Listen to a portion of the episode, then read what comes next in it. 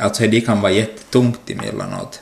Att man ska kunna liksom plus ihop de här två så ena dagen så skickar man iväg bänkar till Italien och andra dagen så mockar man ut skit ur huset. Vet du. Det är liksom lite det, alltså som de kontrasterna blir så stor liksom med ett kreativt jobb.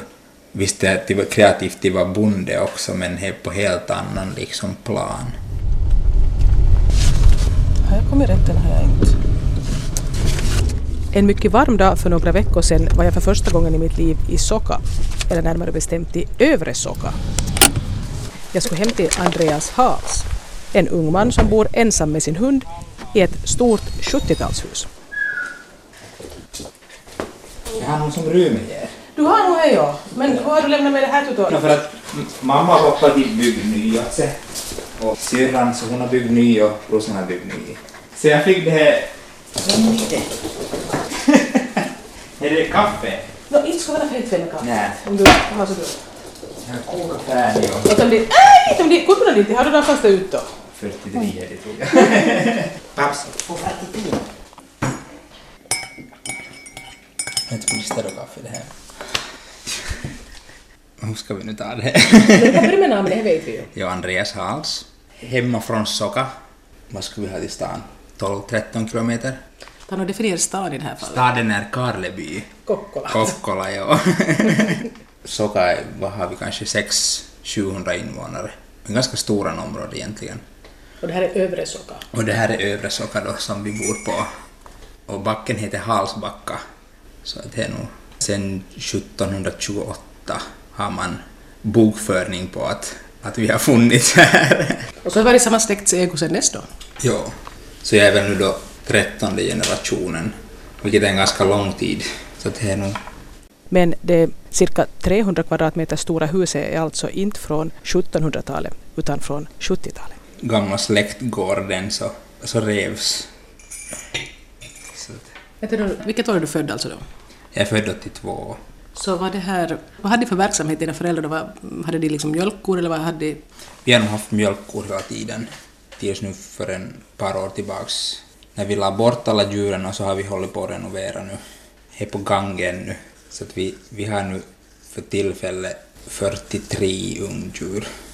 Vi köper pojkkalvar av mjölk, mjölkbönder och så föder vi upp dem till 17-18 månader vad de vad de ska vara för man säljer dem till slakt. Det, det har vi tänkt börja syssla med så där på sidan om allt annat. Alltså är det du eller någon annan i släkten som fortsätter att bruka det här? är nog jag. Tanken är den att jag ska. Du har ju varit på en hel del utbildningar liksom på annat håll, då någon annan som har skött det. Nå, det är nog egentligen pappa som har skött om mig och så har brorsan förstås hjälpt till men, men hur jag egentligen varit, varit närvarande hela tiden. Vi ska gå lite bakåt i tiden så jag ber Andreas berätta hur det var att växa upp på Halsbacka. Nu är det en superbra uppväxtmiljö på det sättet att, att man har de här djuren och gården och skogen och om man jämför att man, man ska ha växt upp i stan så nog är ju det här en trygg miljö på något sätt. Fanns det mycket andra barn här i gårdarna runt omkring som du lekt med också, eller hade du syskon som du lekt med? Eller? Är det förstås syskon men sen grannar på båda sidor som var lika gamla eller samma ålder. Vad funderade du att du skulle liksom börja göra när du blev stor? Jag skulle bli till busschaufför. Det var liksom inte någon tvekan om det. Men det gick nog om ganska fort, sa han, tror jag. Vad var det som var så bra med att vara busschaufför tyckte Ja, för att det var liksom säkrare arbete. det var samma rutt varenda dag och man visste precis vad man skulle liksom... Jag vet inte. Det var häftigt att vara busschaufför. Men sa han så, inte vet jag, det har väl funnits en massa, massa olika saker man skulle kunna tänka sig att börja med men Vad var den första utbildning du, du sen faktiskt satsade på? Nå, jag hamnade väl in hamna. Jag säger hamna, och det hamnade jag verkligen in på, på Lanneslunds skolor 98. För du måste ju ha sökt i alla fall. Jag sökte ju, jag skulle bli till kock men det gick inte riktigt hem. Och, och, Vilket hem hos, hos vem? och hos eh, nära och kära så hamnade jag väl in där då. Vilket var helt bra på sitt sätt. Jag trivdes jättebra i Jakobstad. Alltså vilken linje gick du på då? Jag gick på den här jord, sån här tvåårig jordbrukslinje. Så med tanke på att du skulle ta över det här jag då? tar Eller? över gården, ja. Kunde du bestämma den i det? Nej, nej, nej, absolut inte. Men kock skulle du inte bli?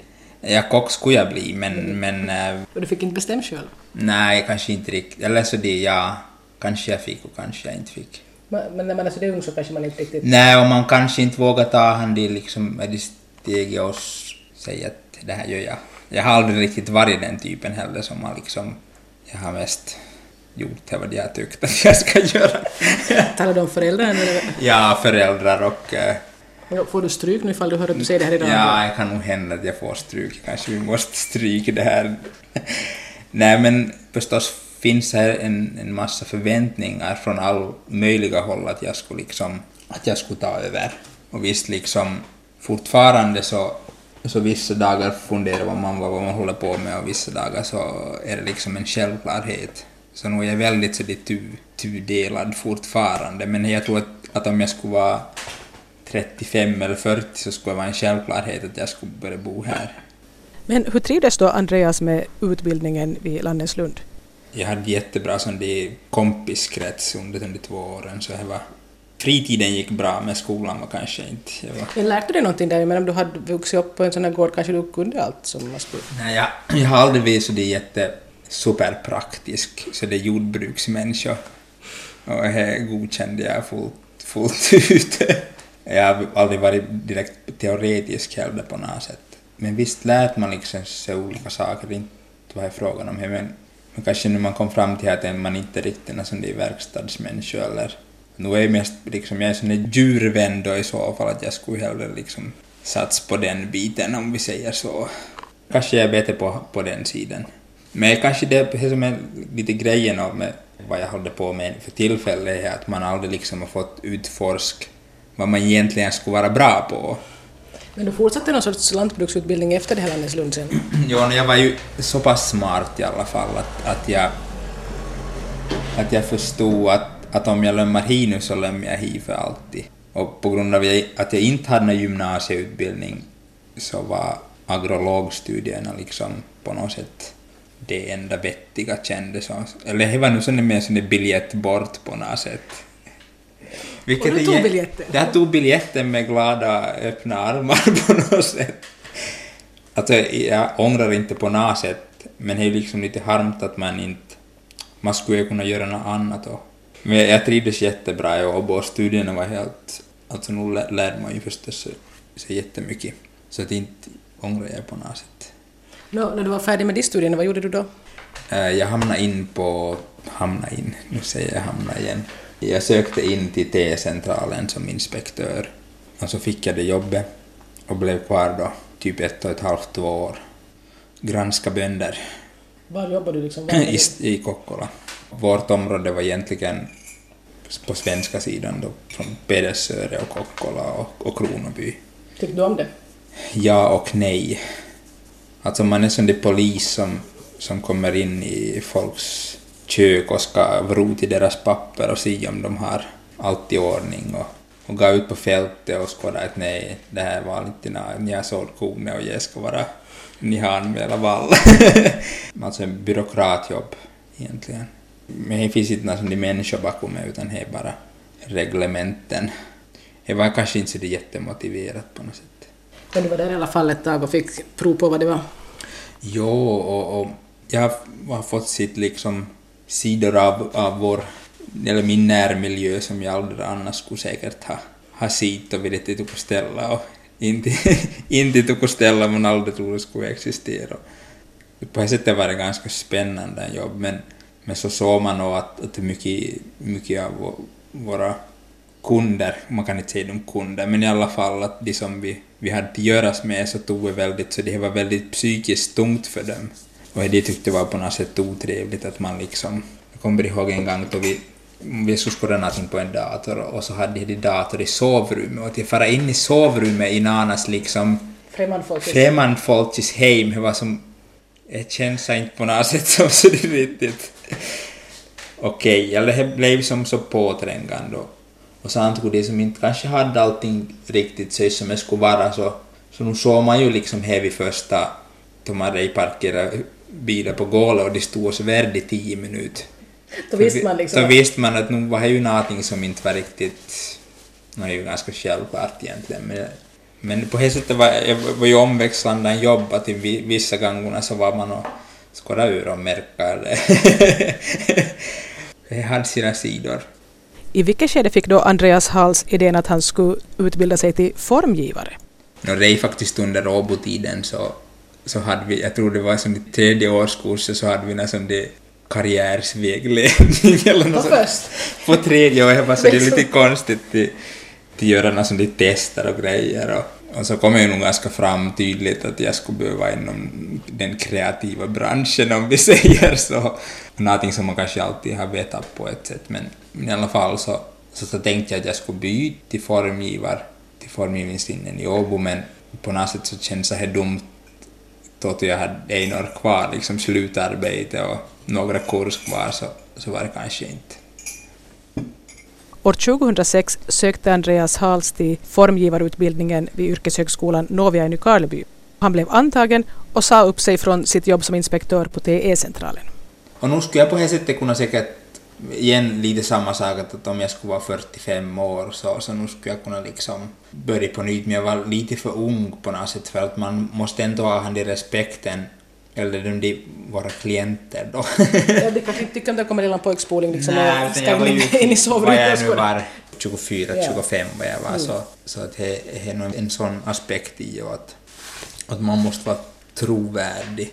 Och så, sen kanske man inte liksom ser han det stoltheten i att vara byråkrat heller liksom. För det måste man på något sätt ha, ha tror jag, att man måste liksom tycka om det jobbet som man gör och tycka att det är liksom, ja det är viktigt. Och det är så jag aldrig för att liksom till springa och gräva i alla folks papper och vara allmänt fristsam så tycker jag inte liksom så jättehäftigt. Det är säkert han i båda sidorna att, att kanske man skulle kunna vara liksom inspektör om det skulle liksom ha varit ett häftigt jobb på något sätt, att folk skulle liksom ha tyckt om hur man gör och liksom tyckt om hur man kommer och... Men jag tyckte inte att det var roligt att vara fristsam. Vet du?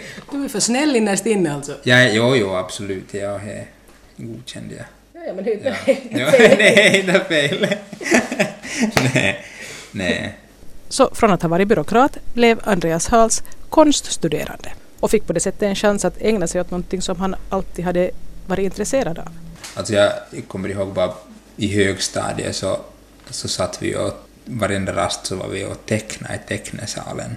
Så nu har jag liksom, och här nu är en av mina största intressen. Eller liksom är som jag var bäst i skolan alltid. Och och enda som jag har haft tio i, kommer jag ihåg, så är skulptur. Så nu ser jag ju en hel del om liksom, vad man har liksom för utgångspunkt. Och det här att jag sökt in till, till formgivare så är ju nog liksom, det är ju nog någonting som är som så jag gör för min, egen, för min egen skull och inte för någon annans egentligen. Jag försökte någon hindra dig i det här skedet då? Äh, Nej, men det var nog mycket folk som tyckte, eller som på något sätt var negativt inställt till det. Vad skulle du med det till liksom? Ja, det är ju helt Du har onödigt. ett bra arbete dig. Ja, det var nog många höjda ögonbryn i, i det sammanhanget. Men du var liksom starkare i dig själv nu än vad du var då när du var sökt till Lanneslund, att nu kunde du gå din egen väg. Absolut. Sen jag har nog konstaterat många gånger att inte skulle jag behöva börja studera någonting för jag liksom var 24, 25. Men om du skulle ha varit här fram till det så skulle du knappast ha börjat studera då heller. Nej, absolut inte. Alltså nu är ju han i vägen som har liksom fört mig hit. Att jag gav, det igenom alla de här olika, alla dessa steg. Hur kändes det då att börja på konstutbildningen? Alltså nu är ju liksom på något sätt som man skulle... Man hör hem, som vi säger. Man hör hem bättre. Mycket mer på något sätt likasinnade människor. Och fast man har helt olika liksom bakgrund och så det, men ändå så... Så är det nog liksom synkat på något sätt. Så det är no questions asked. Någon ifrågasätter inte vad man håller på med. Den konstnärliga friheten. Hur går det att kombinera med att ha det här djuren här?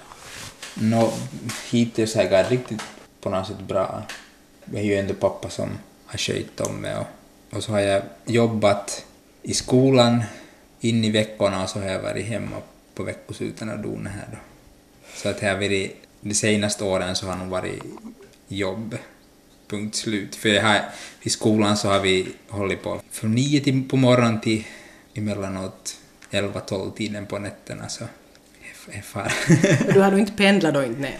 Nej, jag, jag hade tänkt nog först att om man har ett, ett hus att bo i att, att nu klarar jag det bra att jag kör till Nykabi varenda dag men nu kommer jag ganska ta 40 minuter till kör så nu.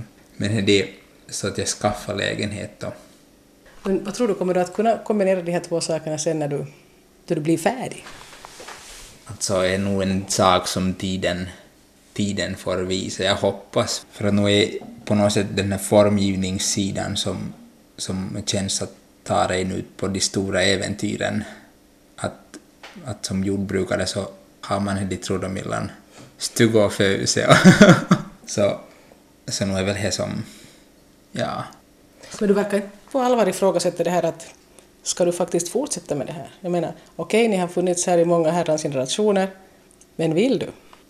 Nu måste jag väl säga ja, men jag skulle helst få komma vet du, om några... Jag skulle inte vilja ha det imorgon och inte i övermorgon, utan man skulle vilja köra sitt eget race på något sätt. Då man har hittat sitt element att man skulle kunna jobba som formgivare ett x antal år tills man liksom landar i det och så skulle man kunna börja men tänk om du inte vill något mer, tänk om du tycker att du vill fortsätta och upptäcka nya saker med den formgivningen då sen? Nu, nu är det väl som med livet att det för en lite för en och så får man ta ett och att det är väl onödigt att stacka upp någonting som inte man vet om. Men ändå har du i motsats till de flesta andra unga människor, har du haft det ganska utstakat just det här med Jo, absolut. Från och med Lanneslund ungefär? Jo, lite väl utstakat. Mm. Och det är väl det som är ganska så skrämmande på något sätt, då man börjar kunna ta sina egna beslut. Och så förväntas ju du då i din tur föra över liksom det här på någon annan. Ja, men jag vet inte. Jag vet inte, men jag känner inte alls det trycket på något sätt. Nu att fortsätta själv? Nu att fortsätta själv, men att, att jag, jag ska inte vara på något sätt en mål att man ska måste som ge över till nästa generation på något sätt. För jag ser inte som någon point med ena mer på något sätt. Säg, säg, säg det att förra generationen får se vad de säger om det. Ja, men ja, ja alltså det är jättesvåra frågor. Det kommer säkert till skut med. jag hör att det är svåra frågor. ja, men det är lite som så det, samma sak som de ville ha Faffa med till landslaget. Han var bra till spring. Jag, kom, jag vet inte årtal och sånt det, men i alla fall så var det väl typ lite kort på gubbat och, och han var ganska bra till spring tydligen. Jag tänkte lite samma sak, att han, han kunde inte liksom fara för att han hade det här som skulle skötas. Men, men kan man offra sig själv för, liksom, för historiens skull? Det borde du kunna svara på. Men det är jättesvåra frågor, det är, som, det är som omöjligt att svara på. Men tills vidare tycks du klara av det här kluvenheten? Mm, man kände sig nog väldigt eh, så det är split personalities. Ena dagen så skickar man iväg bänkar till Italien och andra dagen så mockar man ut skit ur födelsen. Det är liksom lite det, alltså som de kontrasterna blir så stor med ett kreativt jobb. Visst det det kreativt att vara bonde också, men det är på helt annan liksom plan. Alltså det kan vara jättetungt emellanåt, att man ska kunna liksom plussa ihop de här två, så jag hoppas att det inte är en omöjlighet, för jag hoppas verkligen att jag ska kunna jobba med båda två. På något sätt så så är det ganska skrämmande det steget efter att man har blivit klar formgivare, för då, då har man liksom, då har man på något sätt alla kort öppna igen en gång. De här fyra åren till, till formgivare är ju någon sorts grogrund för att liksom starta upp det här konstnärliga i mig. Men i alla fall så, så skulle det vara intressant liksom att börja experimentera liksom med olika grejs efter att man har blivit klar. Det här med bänkar till Italien var bara ett exempel du tog eller var det liksom något som du faktiskt har gjort? No, vi faktiskt hade en enorm, enorm tur. Under bostadsmässan i Vasa gjorde vi en bänk med Tanja Krokvik. Det var som ett projekt i ett hus då. Vi fick egentligen göra vad vi ville, ville för möbler eller lampor eller vad som helst egentligen. Och vi tog då ett utrymme som, som var en sån där omklädningsrum till de ville ha någon sån sitt, eller det behövs en sitt, sittplats då. Och så gjorde vi en, en bänk dit och på den här bänken så fick en italiensk modedesigner syn på i Jakobstad och vilja köpa tio. Och det har varit jättemycket och om, om och men om den här om det här sig, alltså, men vi fick iväg de där bänkarna i februari med minuttidtabell till, till Milano Fashion Week för att de skulle vara med på, på hennes fashion show. Så att vi for dit då till Italien för att se den här hennes show då, våra bänkar i en kyrka från 13-1400-talet mitt inne i Milano. Och det var nog liksom en, en sån syn som man aldrig kommer till glöm, liksom att vad, vad sjutton gör, gör, gör de här gör? Att fast man håller på med, liksom, med det projektet de får iväg där man får skriva kontrakt och det ena med det tredje och, och så sa han att man åker in till Milano och har en adress till en kyrka och så mitt i allt står våra bänkar där så det var nog ganska, ganska häftigt. Men det är väl inte sånt som händer åt alla formgivare sådär i det här tidiga skedet? Nej, nu tycker vi förstås att vi var väldigt så det, lyckligt lottade att hon råkade se bänken på en bild i Tanjas portfolio och sa Reito att hon vill liksom köpa av oss. Har ni ens funderat ut något pris då ännu? Nej, det var en prissättning inom den kreativa branschen är kanske inte det enklaste, men, men det vi, vi hade faktiskt inte pris då från början, men de kom dit då. Så vi har en dealer i, i Italien och våra bänkar säljs för 2800 euro styck. Du ser lite själv ut som du ser förvånad ut Ja, själv. men det är liksom ganska otroligt egentligen att, att någonting som man, som man har själv har lagat eller liksom så blir sålt i Milano och står på Via del Spiga på, i ett skyltfönster så är ju ganska hysteriskt egentligen. Jag menar, vem har den turen egentligen? Hela händelseförloppet är ju ganska otroligt. Har du varit i Milano då före det här? Nej, jag har inte varit överhuvudtaget i Italien innan den här första resan och så var vi en gång till i april för då var eh, den här stora möbelmässan och då hade hon ställt ut då i, i, på Via. Så vi var liksom, vi hade Cavalli och Dolce Gabbana och hela Patrasti hade vi på samma gata. Och där stod, stod vår bänk då. Och Andreas Haas och Tanja Krokvik på skyltfönstret. Så det var nog ganska häftigt. Och det var sam, liksom lite samma känsla som då vi kom in i hade kyrkan och så de de bänkar våra upp där ute ett runway. Så, så de si, si bänken då i, i skyltfönstret var nog ganska... Och hur tänker du på det du mokar dygn då? Ja, no, det väl, man ser väl han i kontrasten med vad jag håller på med egentligen. Det är, det är faktiskt ganska hurjat. Då låter det som det här skulle vara någonting som du skulle borde satsa på med tanke på att du nu sådär fick en flygande start på det sättet. Ja, no, för det kanske är också det att man det känns på något sätt som man skulle hitta sin, eller min grej egentligen, att, att det här är vad jag ska hålla på med. Det känns bra på något sätt egentligen, att man, man inte behöver, jag nog ifrågasätter ju förstås vad man håller på med emellanåt, då man är så kluven på något sätt, att om man, man ska göra det ena eller det andra, men pappa har väl några år till pensionen och, och sen så, man kan ju egentligen utveckla en gård till i vilken riktning man vill. Sen att om jag nu skulle få ett jobb i Milano. i Milano. Mitt i allt på, ja, så, sen, ja, men då måste man ju på något sätt stacka ut liksom sin egen väg, sist och slutligen.